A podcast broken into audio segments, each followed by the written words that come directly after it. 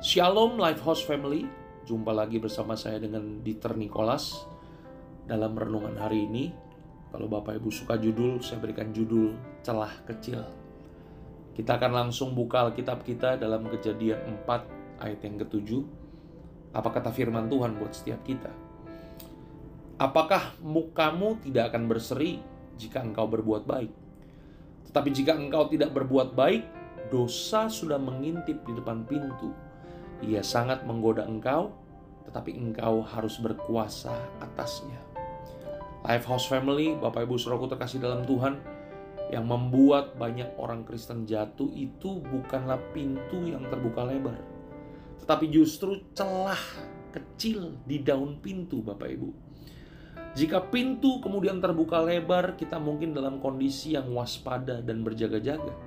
Tetapi kalau ada sedikit celah, itu justru membuat kita lalai. Kita akan merasa diri kita kuat, kita akan merasa diri kita tidak mungkin tergoda, dan merasa tidak mungkin jatuh ke dalam dosa. Bapak Ibu Saudaraku terkasih dalam Tuhan, kalau kita mempelajari kehidupan seorang raja yang sangat dahsyat di dalam perjanjian lama yang namanya Daud, Daud itu jatuh justru bukan pada saat dia sedang berperang, tapi apa yang terjadi ketika Daud sedang jalan-jalan di atas soto istananya? Dia sedang bersantai-santai, kemudian melihat Bathsheba sedang mandi. Daud mungkin tidak pernah membayangkan bahwa dia yang notabene seorang penyembah yang begitu dekat dengan Tuhan bisa tergoda dengan hawa nafsunya. Daud mungkin tidak pernah membayangkan bahwa ia akan berzina dengan Bathsheba dan menutupi dosanya itu dengan membunuh Uria suami Bathsheba yang adalah prajuritnya yang setia. Daud juga tidak pernah membayangkan bahwa oleh karena dosanya itulah kemudian rentetan peristiwa buruk terjadi padanya dan kehidupan keluarganya. Apakah hari ini kita masih butuh contoh lagi? Nah, sekarang coba kita baca lagi cerita tentang pembunuhan pertama di dunia ini yang terjadi di dalam Kejadian pasal yang keempat.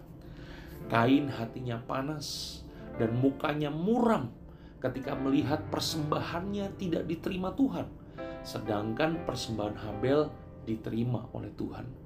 Kemudian Tuhan mengingatkan bahwa dosa sudah mengintip di depan pintu. Artinya apa Bapak Ibu? Ada celah dosa di situ yang seharusnya perlu diwaspadai.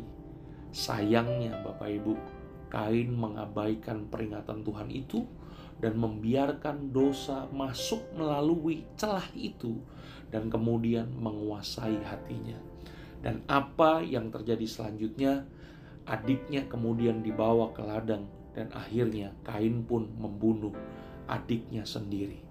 Bapak Ibu Saudaraku terkasih dalam Tuhan, Life House Family waspada dengan celah tidak menunjukkan bahwa iman kita itu lemah. Tapi sebaliknya Bapak Ibu, kita merasa memiliki iman yang kuat, itu adalah titik paling rentan yang bisa membuat kita jatuh dalam dosa. Oleh sebab itu, pada pagi hari ini, Rasul Paulus pernah menasehatkan hal ini. Sebab itu, siapa yang menyangka bahwa ia teguh berdiri, hati-hatilah supaya ia jangan jatuh. Kalau kita baca dalam 1 Korintus 10 yang ke-12. Jadi dosa bukan untuk didekati Bapak Ibu, tapi dosa untuk dijauhi. Ingatlah bahwa tidak ada orang yang dekat-dekat dengan dosa tanpa berbuat dosa pada akhirnya. Oleh sebab itu hari ini belajarlah untuk waspada Bapak Ibu. Ya kan? Celah yang kecil di mana kita merasa diri kita mampu, kita merasa diri kita hebat, kita merasa diri kita bisa melakukan apa saja tanpa Tuhan. Sebenarnya di situlah celah kecil yang kemudian iblis pakai untuk menjatuhkan kehidupan setiap kita. Bapak Ibu Saudaraku terkasih dalam Tuhan, kalau Bapak Ibu lihat bagaimana iblis mencobai Yesus di padang gurun, ya Bapak Ibu akan melihat bahwa pencobaan pertama yang dilakukan iblis itu adalah Yesus disuruh mengubah batu untuk menjadi roti. Hal-hal yang kecil Bapak Ibu. Kenapa disuruh ubah batu menjadi roti? Kenapa bukan disuruh mengubah batu kemudian jadi alpart Bapak Ibu? Karena memang kebutuhan Yesus hari itu bukan mobil Alphard Bapak Ibu. Kebutuhan Yesus hari itu adalah roti.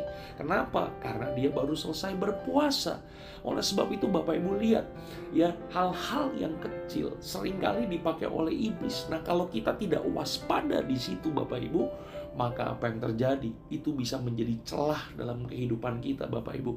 Sekali lagi, kalau kita dekat-dekat dengan celah, maka celah itu bisa begitu menggoda kehidupan kita hingga akhirnya kita pun bisa masuk ke dalamnya. Kita belajar hari ini Bapak Ibu dari kejatuhan Kain. Kita belajar bahkan dari Daud Bapak Ibu sudah cukup menjadi pelajaran berharga bagi kita untuk tidak meremehkan yang namanya celah dosa. Sekali lagi Bapak Ibu, banyak kejatuhan-kejatuhan yang besar itu dimulai dari celah-celah yang kecil. Oleh sebab itu hari ini waspadalah, waspadalah. Mari kita berdoa. Bapak kami dalam sorga, terima kasih Tuhan buat hari ini. Kalau hari ini kami boleh belajar dari kejatuhan Daud, kami boleh belajar dari kejatuhan Kain. Mereka jatuh karena celah-celah kecil. Oleh sebab itu ajar kami supaya kami boleh mewaspadai itu semua dan jangan membuat kami jadi sombong, kami merasa mampu, merasa bisa. Karena kami tahu tanpa Tuhan kami bukan siapa-siapa dan bukan apa-apa. Tuhan berkati kehidupan setiap kami, biar renungan hari ini memberikan kekuatan dalam hidup kami. Di dalam nama Tuhan kami Yesus Kristus, haleluya, amin.